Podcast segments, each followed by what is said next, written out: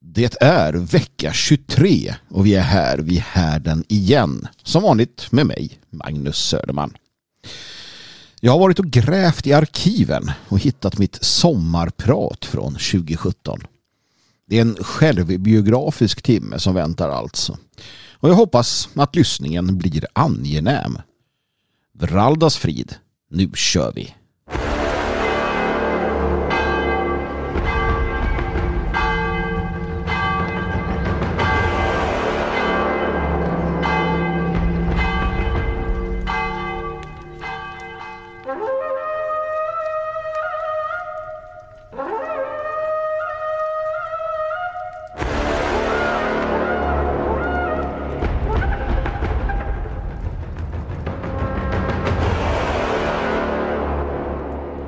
Från eh, 2017 tänker vän och ordning. Det var väl gamla nyheter. Och det skulle det kunna tänkas vara. Nu är det ju som sagt självbiografiskt. Va? Så att det som har hänt har hänt. Och sen jag spelade in det där sommarpratet som sändes eh, på eller hos eller av eller vad man säger. Ingrid och Konrad. Podden Ingrid och Konrad.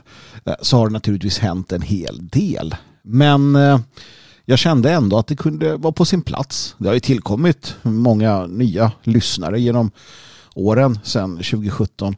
Och eh, ja, ni kanske undrar vad det är för filur egentligen som ni lyssnar på med jämna mellanrum. Så jag tänkte att jag kunde ju berätta det för er eh, med en egen röst.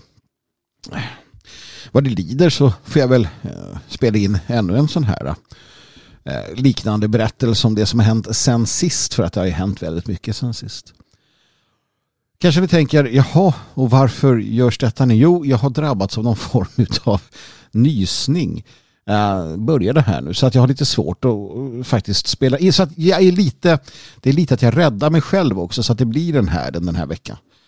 Alternativet hade varit att uh, ställa in och det, det vill jag inte. Så att jag bjuder på detta istället och hoppas att eh, ni som eh, inte har hört den eh, finner stor, stort intresse och glädje och det kan tänkas vara att lyssna på detta lilla sommarprat från 2017. Att ni som har hört den, ja, ni kan ju lyssna igen eller göra någonting annat. Det återstår väl att se. Och så hoppas jag att, att den här, de här nysattackerna då försvinner till, till nästa helg. Och eh, ja, det var det. Så att eh, här kommer, här present, låt mig presentera mig själv från 2017. Eh, det blir trevligt det. Jag, Magnus Söderman, föddes en vårdag i Stockholm. Året var 1977. Det var alltså dryga tio år efter 68-revolutionen då ungdomarna gjorde uppror mot tradition, gud och nation. Men eh, dårskapen hade väl ändå inte satt sig så det Sverige jag föddes in i var ett helt annat Sverige än det vi har idag. Mina föräldrar var bra. Även om vi inte dragit jämnt alltid och trots att jag inte alltid varit någon mönsterson har jag i alla fall inget att klaga på. Alla minnen från min uppväxt är trevliga. Det var tryggt, ombonat och gott och för det är jag dem evigt tacksam. Mina minnen börjar i Kallhäll i Järfälla utanför Stockholm en eh, trevlig förort där jag växte upp i en stor femrummare med en gigantisk balkong. Utsikten var över Mälaren och jag minns hur jag brukade leka att det var kommandobryggan på ett slagskepp under andra världskriget. Omgivningen var trygg och man var ute med kompisarna i området så ofta det gick. Vi strövade fritt utan problem och gärna till sent in på kvällarna. Jag gick på dagis och enligt min mor storgrät jag första gången hon lämnade mig där såklart. Jag tror inte att det är bra för barn att lämnas för tidigt. Men då som nu skulle man dubbelarbeta och hemmafru var något fult. För att inte säga ekonomiskt omöjligt. Men eh, någon skada tog jag inte, tror jag. Och eftersom alla kompisar i området gick på samma dagis så blev det bra till sist. Min bror som är några år äldre än mig var den som fick mig att börja lyssna på hårdrock.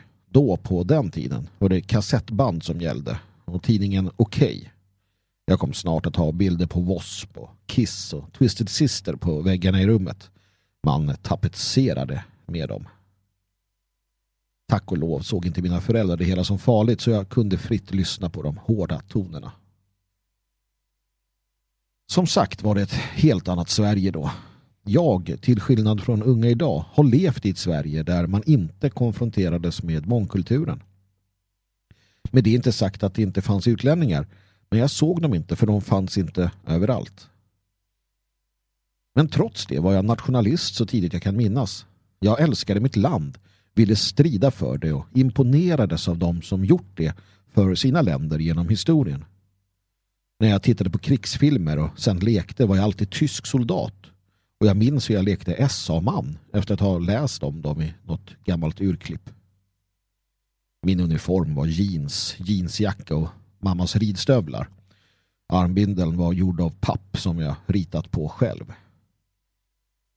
Leken var nog inte populär hemma så man fick smyga lite men kul, det var det i alla fall. Men tillsammans med kompisarna lekte vi också Miami Vice och jag tyckte att både Crockett och Tubbs var häftiga. Faktum är att jag och min bror, då pappa tagit hem en videokamera, nej, det var inte var mans egendom då. Vi gjorde en film om humant flyktingmottagande och mot rasism. Och detta gjordes med hjälp av mjukisdjur, eh, varav en var neger. Tyvärr är den här filmen borta, men jag minns att ett av mina gosedjur fick rollen som elak rasist. Jag såg ingen konflikt med att vara human och altruistisk och samtidigt stolt nationalist. Det gör jag inte som vuxen heller. Det hände sig till och med att jag lånade brorsans skiva med UB40 och lyssnade på den. Det finns en bild på mig. Det är min födelsedag och jag fyller 13 tror jag. På min t-shirt finns en svensk flagga och texten 100% svensk. Jag står framför en flaggstång där en svensk flagga vajar i vinden. Jag har hår på huvudet. I mellanstadiet hade jag blivit mer engagerad nationalist. Jag beställde klistermärken från Sverigepartiet, även om jag aldrig blev delaktig i partiet. Jag träffade aldrig någon därifrån heller. Jag kan inte ha varit mer än 11-12 år då. Hur kom det sig? Jag har ingen aning. Jag läste massor av böcker. Sagan om ringen på engelska var en av de första. Sen allt om historia och krig som jag kom över. Jag mötte tidigt sydstaterna i USA och nationalsocialisterna i europeisk historia. Det måste ha varit det. Men varför jag? Det svaret har jag inte. Till skillnad från andra såg jag däremot inte vad som skulle vara fel och dåligt, ja ondskefullt med vare sig tyskarna eller sydstaterna. Jag sympatiserade snarare med dem. Man kan säga att vare sig krigets vindar eller nord och syd avskräckte mig nämnvärt. När jag började i högstadiet kom jag för första gången i kontakt med invandrare från MENA-länderna. Jag minns det tydligt. De var inte många, fyra, fem stycken, men till skillnad från svenskarna, till skillnad från oss, så var de dominanta och skrämmande, gåpåiga. Jag själv tyckte att eh, de var obehagliga, men till skillnad från andra i skolan ville jag inte ställa mig in. Jag fick min pappa att eh, köpa kängor istället, killers. Jag hade en falsk bombarjacka med korslagda svenska flaggor på. Däremot hade jag fortfarande långt hår och så. Jag var ju fortfarande hårdrockare. Det har alltid varit viktigt för mig att inte gömma mig, gömma vad jag tycker och tänker. Faktum är att jag är precis eh, det rakt motsatta. Jag minns första gången jag hörde riktig politisk musik. Det var på gymmet, jag var själv där. Bandspelaren gick och en låt började som fick mig att stanna upp och lyssna. Jag lyssnade på vartenda ord. Jag tror jag spolade tillbaka också och lyssnade igen. Jag undrar om det här var mitt Rubicon. Jag har inte sett tillbaka sedan dess i alla fall. Det jag hörde var Screwdriver med Ian Stewart och låten var Pride of a Nation.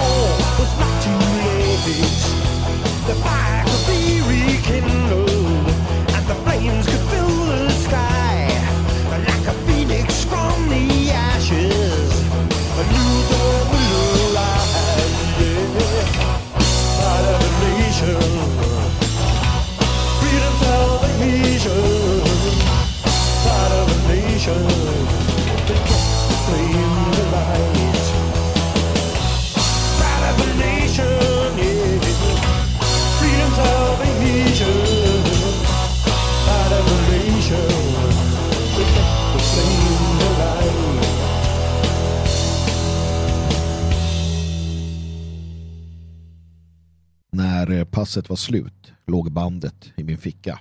Ja, jag stal det. Jag visste vad en skinhead var, men jag var ingen ännu. Jag hade läst om ett tyskt skinhead som mördats i en tidning hemma hos min farmor och när 30 november-demonstrationerna drog igång på allvar runt 1990 så följde jag rapporteringen noggrant. Det blev också trassel med invandrarna på skolan och jag minns inte hur det hela började men det slutade med att tre av dem gav mig stryk i korridoren under en rast. Jag kunde ha lagt av där och då, backat tillbaka, men det gick inte. Jag gick hem till Kim istället, en god vän, och rakade av mig håret. Dagen efter kom jag i full mundering till skolan. Det fick bära eller brista. 1991 blev också VAM kända på riktigt i Sverige och så i och med att flera av medlemmarna dömdes till fängelse. En bild på en av ledarna sattes upp hemma i pojkrummet mitt. Den var nerriven när jag kom hem. Mamma hade varit framme. Jag såg också dokumentären Wahrheit macht frei som hade premiär i Sverige i slutet av 1991. Genom en äldre skinnskalle som bodde i samma område som jag fick jag veta att bra musik fanns att inhandla på Gamla stans skivhandel i Gamla stan i Stockholm. Jag tror att det var på försommaren 1991 som jag gick dit och köpte flera LP-skivor. Där lärde jag känna Brutal Attack, Werewolf och många andra band från Rockorama och Rebels Europeans. Jag lärde också känna ett gäng från grannorten, Kungsängen, som jag började umgås med. För även om många, väldigt många i Kallhäll var som en annan så var det inte lika många som var skinheads. Grabbarna i Kungsängen var underbara människor och stämningen var verkligen trevlig. Jag minns en fest där då jag för första gången hörde Ultima Thule. Ännu en grupp som följt med sedan dess och givit såväl tröst som inspiration och kämparglöd.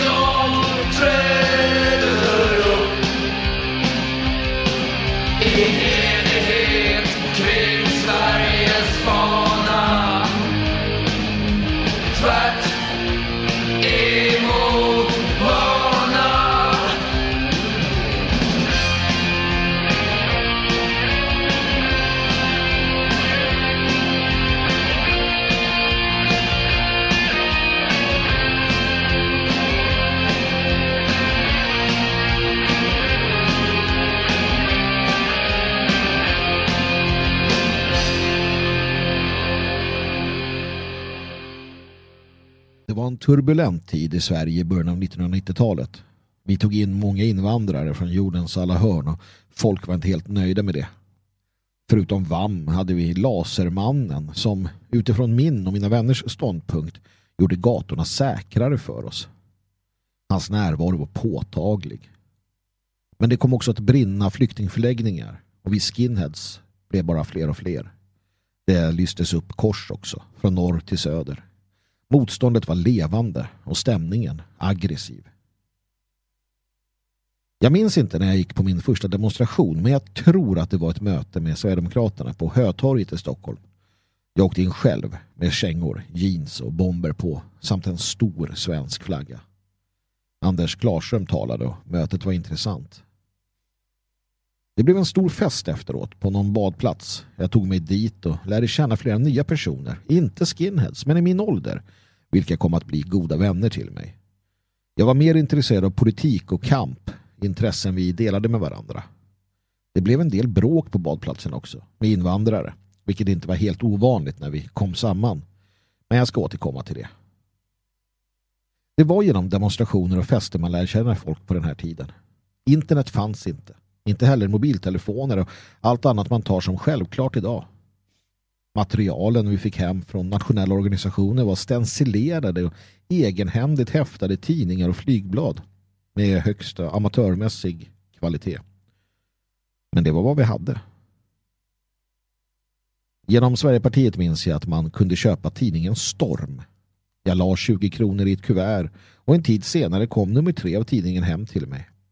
Jag läste med iver om den vita revolutionen och började kalla mig nationalsocialist. För oss i början på 1990-talet var det på riktigt från dag ett. Jag fick kontakt med en äldre kille som var kopplad till VAM och via honom fick jag och Kim bli återförsäljare av deras material. Tidningar, klistermärken och T-tröjor. Vi åkte in och träffade honom i stan där vi bytte pengar mot stora kassar fullproppade med saker. Enligt honom var vi de bästa återförsäljarna i stan, vilket jag kan tro på. Det gick åt som smör i solsken hemma i Kallhäll. Men förutom detta så levde vi farligt så ofta vi kunde. Om det inte var demonstrationer så var vi ute och patrullerade gatorna. Bråk blev det. Med vänstertyper, kickers, smutspunkar och annat. Man fick alltid vara på sin vakt eftersom kläderna avslöjade oss. Vi var ämnes skinheads och utstyrseln var svarta M65-byxor, svarta kängor, svart M65 eller bombajacka samt tillhörande M65-huvudbonad. På jackan hade man VAM-märket, divisionsspindel, triskelon, hakkors och lite smått och gott. Så gick vi runt. In till stan, till skolan eller vart än vi skulle. Vi var eh, Sveriges fosterlandsvakt. Ja, för oss var raskriget nära förestående och vi funderade över hur vi skulle gå tillväga. Jag minns hur jag och några vänner från en annan ort satt och funderade över hur vi skulle kunna skaffa vapen. Vi hade en kontakt, trodde vi, men vi fick aldrig fram några pengar. Det är inte så enkelt när man är 14 eller 15, såklart. Och så här i efterhand var det nog lika bra. Men vi var inte unika, inte ett dugg. Det var en sån revolutionär mentalitet som rådde bland Sveriges nationella ungdomar då. Detta var naturligtvis både på gott och ont. Å ena sidan är den revolutionära inställningen, glöden, värdefull och att som ung man leva farligt, vara med om saker och ting som ställer allt på sin spets. Det är inte dåligt. Vad vi saknade var äldre förebilder, ledare som kunde visa oss en väg att gå. Vi var utlämnade till oss själva och det är kanske inte alltid en så bra idé. Min första kontakt med riktigt våld var när jag fick stryk av invandrare i skolan. Det var inget allvarligt egentligen. En smäll på truten och huvudet in i väggen. Det var den korta väntan, vägen till stryket som var värst. Det gick nog fort när det hela satte igång. Det brukar göra det. Men jag minns det som i slow motion. Tre av dem trängde in mig så att jag inte kunde ta mig därifrån. Några ord växlades och jag visste vad som skulle hända. Jag var livrädd. Sen smällde det. Sen var det över. Jag var skakig och orolig en tid framöver. Men jag tänkte inte ge upp, inte alls. Som sagt var det samma kväll som jag blev skinhead på riktigt. Det var i sjunde klass. Sedan hände något. Något jag aldrig kommer att glömma och som jag är evigt tacksam för. Jag minns inte hur lång tid senare det var, Men jag minns att det var något tumult på skolan och jag såg ett par stycken äldre killar. Hade de balaklavor? Jag tror det. Och bombajackor. De eh, gick eller småsprang förbi mig, tror jag. Nickade igenkännande. Kort därefter fick jag veta att invandrarna som gett mig stryk blivit bortjagade från skolan. Någon av dem hade väl fått sig en omgång också. Idag vet jag vilka det var som gjorde det. Och jag är dem evigt tacksam. Och de kommer aldrig förstå hur mycket det betyder för mig. De är mina hjältar. Det blev en ganska våldsam tid för mig som skinhead. Det blev slagsmål i Gamla stan eftersom vi inte accepterade utlänningar där. Var man inte vit eller turist så var man fritt villebråd. Jag tänker inte fördjupa mig i våldsdåden. Men jag har både givit och tagit och än så länge ligger jag på plus. De flesta som fick stryk när jag var inblandad fick faktiskt vad de förtjänade. En kille hamnade till och med i koma. Det kan låta hemskt när jag säger att jag inte ångrar mig men det han hade gjort mot en tjej i gänget vid ett tidigare tillfälle gjorde att han förtjänade det. Oftast blev det inte så allvarligt dock. Skrik, rush, vev, kaos. Sen tillbaka till basen. Väl i stan med gänget var det lugnt men resan på pendeltåget dit och hem det var rysk roulette. Det var ju så att man var känd i sin egen förort och de som gränsade till den. För mig var Jakobsberg alltid ett problem. Det fanns ett gäng där som vi varit i konflikt med och jag visste att om de fick fatt på mig så låg jag illa till. Mitt pendeltåg gick förbi där så man höll andan och var beredd. För att förklara hur allvarligt det faktiskt var ska jag berätta om en gång i skolan som jag aldrig kommer att glömma. Jag minns att någon sa åt mig att det hade kommit en massa personer till Kallhäll, till stationen från Jakobsberg och Söderhöjden. De var ute efter mig. Stationen låg bara ett par hundra meter från skolan så det blev bråda dagar. Men då hände det. Jag tittade ut från ovanvåningen där jag och några vänner höll krigsråd och såg att en massa människor från min skola hade samlats där. Det var folk från min klass och från andra klasser, äldre och jämngamla. Ett bra stort gäng på skolgården. Jag fick eh, berättat för mig att de inte tänkte tillåta Jakobsbergarna att göra något. Lärarna visste väl inte riktigt vad de skulle ta sig till och polis tillkallades. Polisen tog vägen förbi stationen och någon blev visst jagad längs spåren. Det visade sig sen att de från Jakobsberg hade haft med sig både järnrör och knivar. Det kunde ha gått illa. Så var det att vara skinhead. Ångrar jag det? Inte ett dugg. Av flera skäl.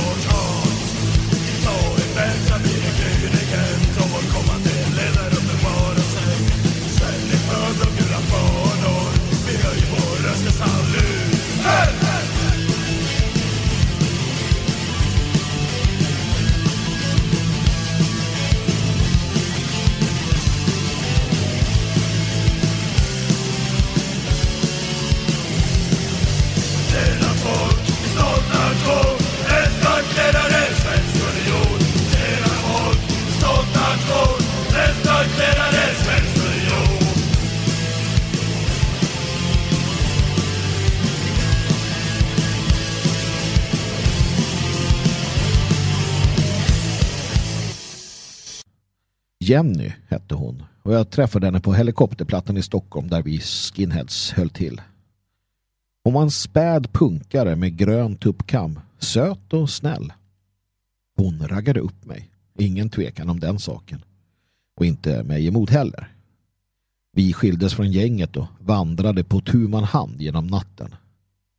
Jag minns inte vad vi pratade om, men jag minns att vi då och då stannades och kysstes.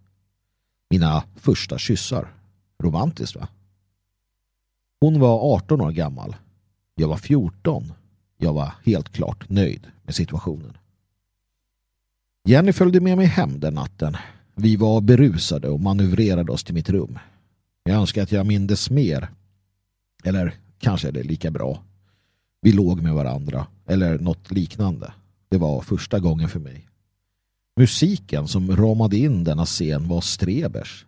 Det blåser hårt. Det blåser kallt. Det blåser högervindar. Överallt sjöng de i bakgrunden. På morgonen och mer nykter låg vi med varandra igen.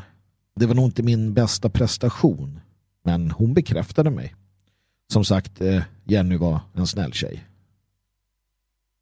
Jag och Jenny var ihop i kanske två veckor, sen tog det slut. Och jag har vare sig hört av henne eller sett till henne sedan dess. Självfallet kommer jag alltid minnas henne, med värme också. Hon var min första. Och att som 14-åring bli uppraggad av en 18-åring, ja, ni killar kan ju tänka er att man var aningen mallig. Jag blev senare tillsammans med en annan tjej, en skötsam sån som var lika gammal som jag själv och som gick i en parallellklass. I samma veva slutade jag att hänga inne på helikopterplattan också, även om jag fortfarande var skinhead. Och inom några år var jag också tvåbarnsfar. Jag hade haft lite kontakt, lite brevkontakt med en av de fängslade, fängslade medlemmarna i VAM och jag ville arbeta politiskt. Flera av mina nya vänner var medlemmar i Sverigedemokraterna. Själv blev jag aldrig det. Men jag åkte med på en del demonstrationer och delade flygblad. Men jag såg mig som nationalsocialist i grund och botten, inte som sverigedemokrat. En avgörande orsak till varför jag slutade leva rövare var ett samtal som kom hem till mig.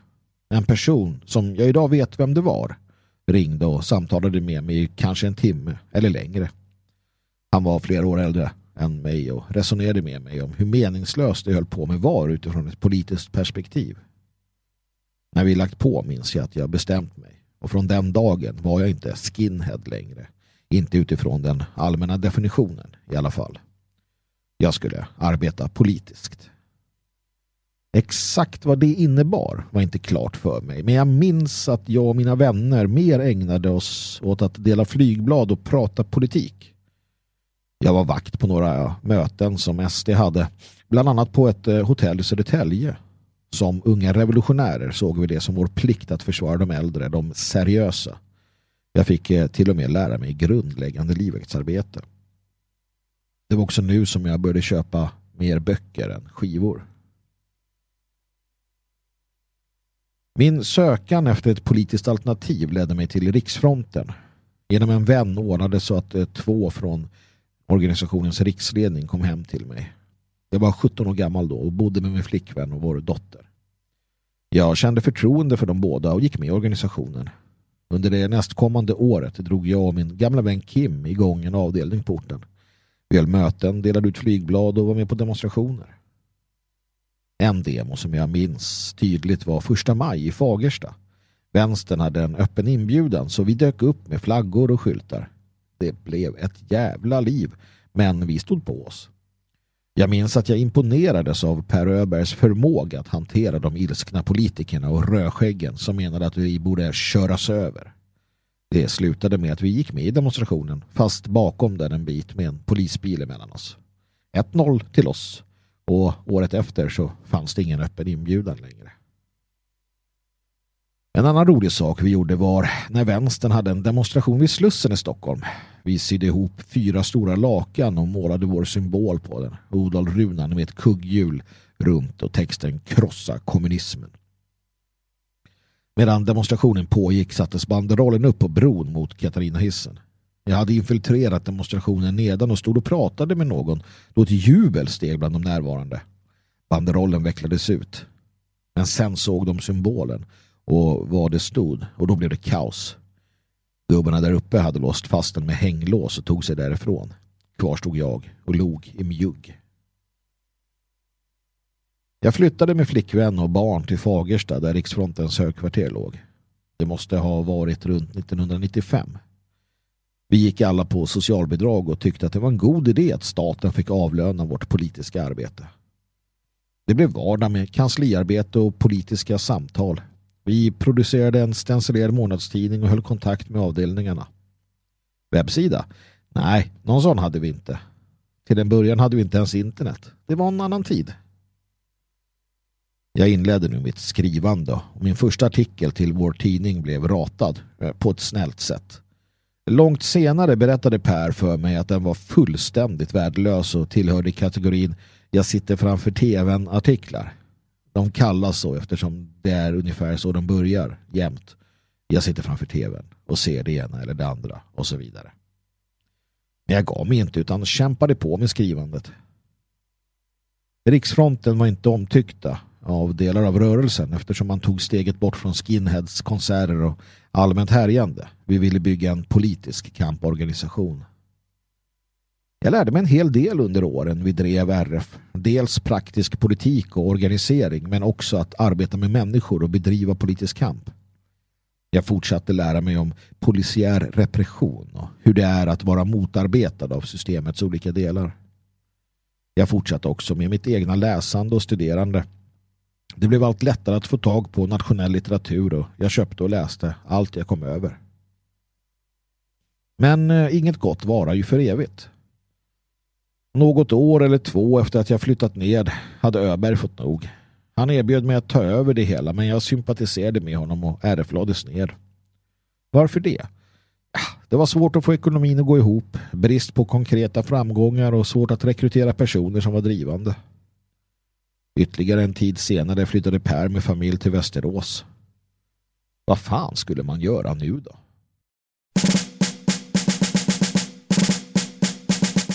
When the British armies came from across the bounding main to attack our native shores in their sailing ships of war to establish tyranny by the orders of a tyrant king.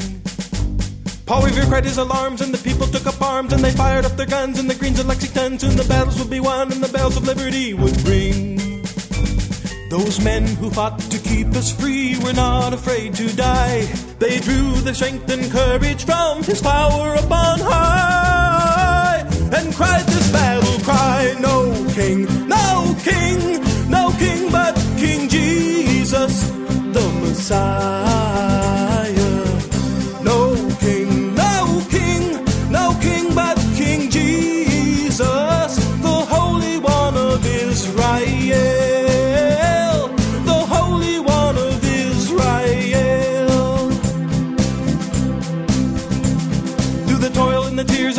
100 years, we have fainted from the fight for his liberty and life. We've been blinded by the lies, so we hardly know what's right from wrong. As the anti-Christian hordes and the global overlords now surround us holy saints in the camp United States, just like Israel of old, we now find ourselves in Babylon. So now's the time for all good men to seek his face on high and bow to do his will on earth and rise up and cry this battle cry. No king, no king, no king but King Jesus, the Messiah. No king, no king, no king but King Jesus, the Holy One of Israel.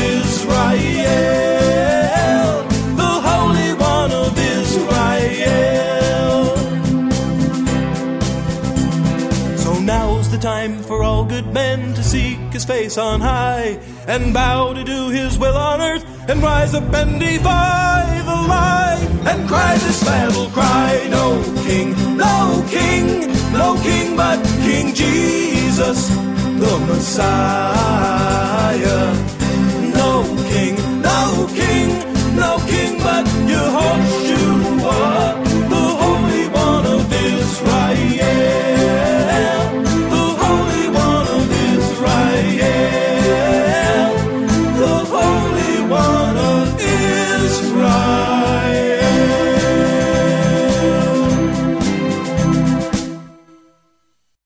Långt innan jag gick med i Riksfronten hade jag haft kontakt med nationella USA. Genom en bok, Men faktiskt skriven av Anna-Lena Lodenius och Stieg Larsson. Extremhögern heter den. Hade jag gjort mig bekant med Aryan Nations. En identitetskristen kyrka i USA. Något drog mig dit och en kväll ringde jag helt sonika upp dem. Kontaktuppgifterna hade jag fått via National Alliance. Jag pratade några gånger med företrädare för kyrkan, fick hem en del material men sen kom riksfronten emellan. Nu däremot, när riksfronten var borta, sökte jag mig åter till kyrkan. Jag fann deras webbsida. Ja, nu hade internet kommit. Och döm om min förvåning när de hade en svensk sektion. Men den var hemsk. Översättningarna stämde inte alls. Så jag hörde av mig och frågade om jag kunde ordna det åt dem. Ja, det fick jag. Och på den vägen blev det och efter studier under ledning av pastor Richard Butler blev jag till sist ordinerad pastor i kyrkan. Året var då 1998. Under dessa år, från riksfrontens nedläggning och framåt in på 2000-talet, hade jag ingen kontakt med rörelsen. Den intresserade mig inte ett dugg. Jag var uppslukad av studier i skriften och fann där mening med tillvaron. Som vanligt kunde jag inte hålla mina upptäckter för mig själv utan såg till att använda den erfarenhet jag hade från riksfronten för att lansera kristen identitet i Sverige. Det gick eh, sisådär. Visst hade jag en del prenumeranter på nyhetsbrevet men eh, något genomslag blev det aldrig. Dock eh, lärde jag känna en person som än idag är en av mina närmaste vänner och det är inte illa det. Efter en tid och mycket beroende på mitt eget sökande efter en absolut sanning, en ortodoxi som inte finns, kom jag att ifrågasätta kyrkans doktrin och därtill, på grund av omständigheter i familjen, glida bort från den. Men det andliga sökandet, det fortsatte. Under åren har jag haft kontakt med flera personer tillhörande The Order, en amerikansk organisation som gick från ord till handling efter att myndigheterna fått tag på dem dömdes flera av medlemmarna till långa fängelsestraff, ibland flera livstider. Genom framförallt Richard Scutari och David Lane fick jag upp intresset för botanismen eller fornsed eller asatro eller vad man ska kalla det. Och det här blev nu mitt studieprojekt. Och som vanligt kunde jag inte hålla mig från att försöka nå ut till andra. Med David Lanes välsignelse och vägledning startade jag Botans folk Sverige vilket kom att centrera kring att översätta hans och andras material. För egen del handlade det om att fördjupa mig i jungiansk psykologi, västerländsk mysticism och ariosofi. Det här höll mig sysselsatt i några år. Samtidigt passade livet på att falla samman. Familjen min splittrades och jag blev ensam kvar i Fagersta. Det blev inte bra och jag tänker inte gå in närmare på det här. Dock försökte jag under en period att supa ihjäl mig. Det lyckades inte och det är helt och hållet tack vare mitt engagemang för folk och land. Det faktum att detta engagemang alltid intagit en central roll i mitt liv. Eller kanske är det mitt liv. Det är svårt att se skillnad. Oavsett så stod jag till sist inte ut med mig själv. Och en vacker dag bröt jag upp från Fagersta, packade med det nödvändiga och flyttade hem till Stockholm.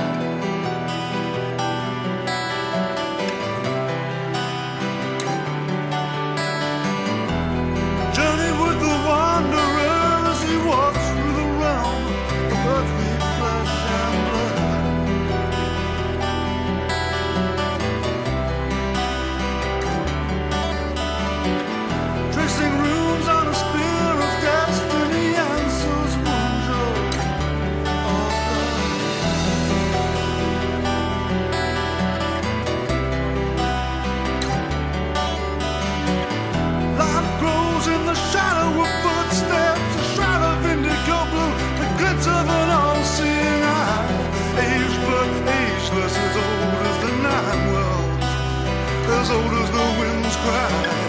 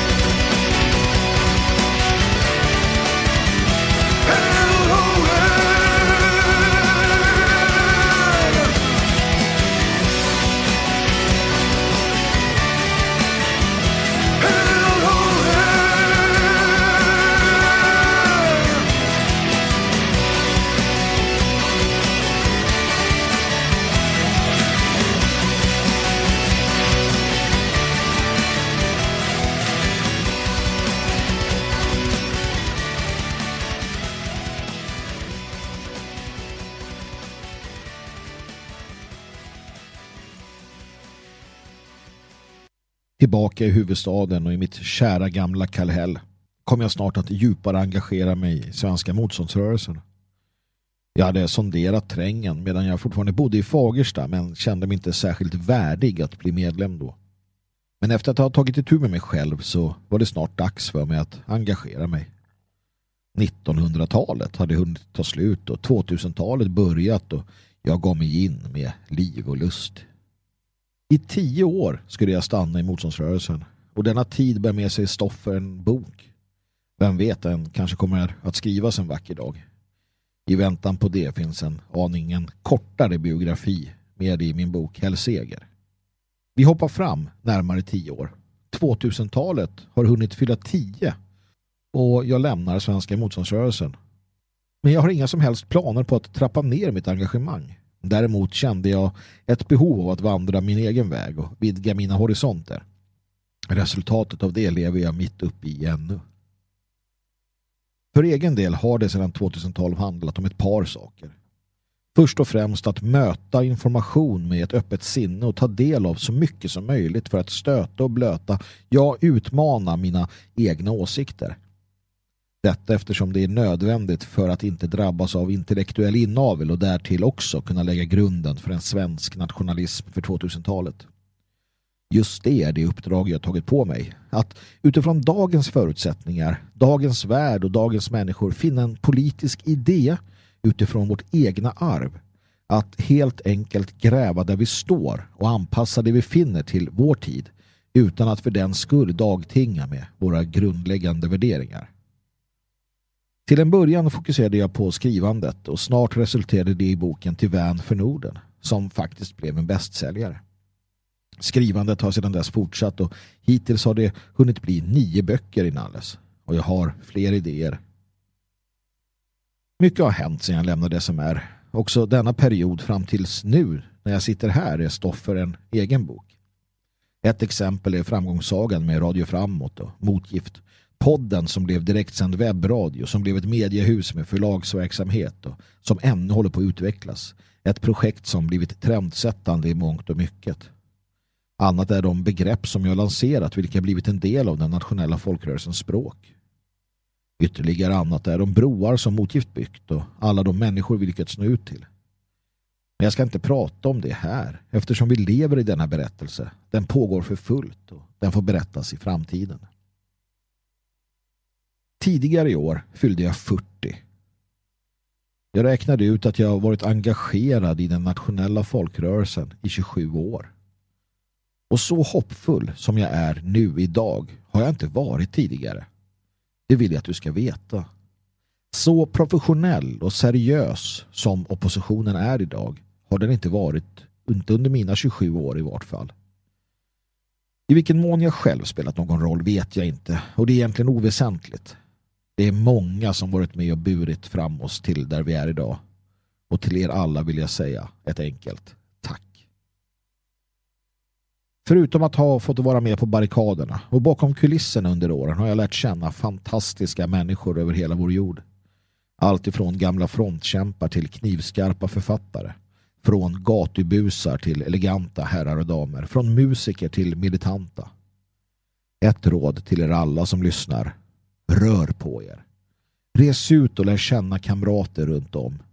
Säg inte nej till en ny kontakt.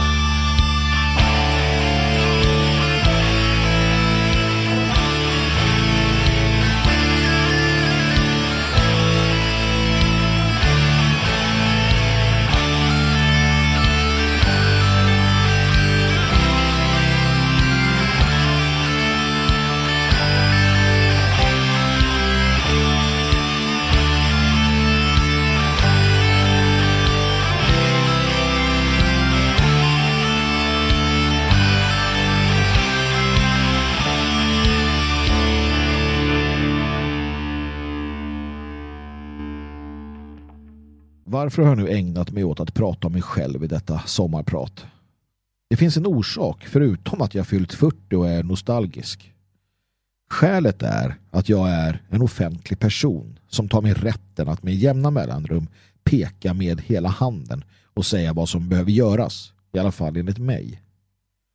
Om jag nu tar mig den rätten och anser mig ha den så tillhör det också att jag berättar om mig själv så öppet och ärligt som möjligt. Då kan du avgöra om jag är någon du vill lita på, någon du vill lyssna på. Just det valet står dig fritt att göra och nu känner du mig i alla fall lite bättre än tidigare. Jag har levt många liv hittills och varit med om mer än vad många är under en hel livstid. Det har varit spännande 40 år av liv, inte bara existens utan liv. Jag har sedan flera år stadgat mig med en kvinna som är min bättre hälft och en son som är mitt allt. Vid sidan av min kamp såklart. Och jag är bara 40. Många år ligger framför mig om Gud vill och dessa år kommer jag att fortsätta göra tjänst för min familj och mitt folk. Och det ser jag fram emot.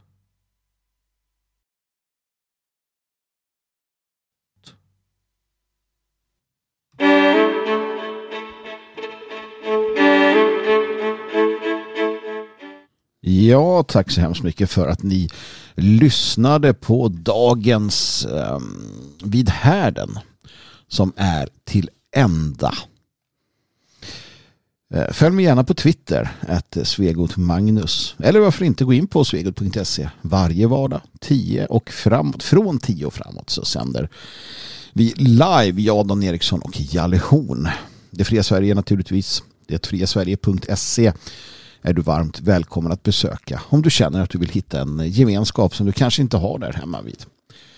Logik.se, bara bra böcker och naturligtvis www.härden.nu, min egen hemsida här på nätet. Och om du vill och känner att eh, det här var bra så kan du ge en pengagåva på 0762 475 672. Swish alltså. Skriv gåva, vilket då är viktigt att göra. Eller så blir du prenumerant på härden.nu alternativt en betalande prenumerant.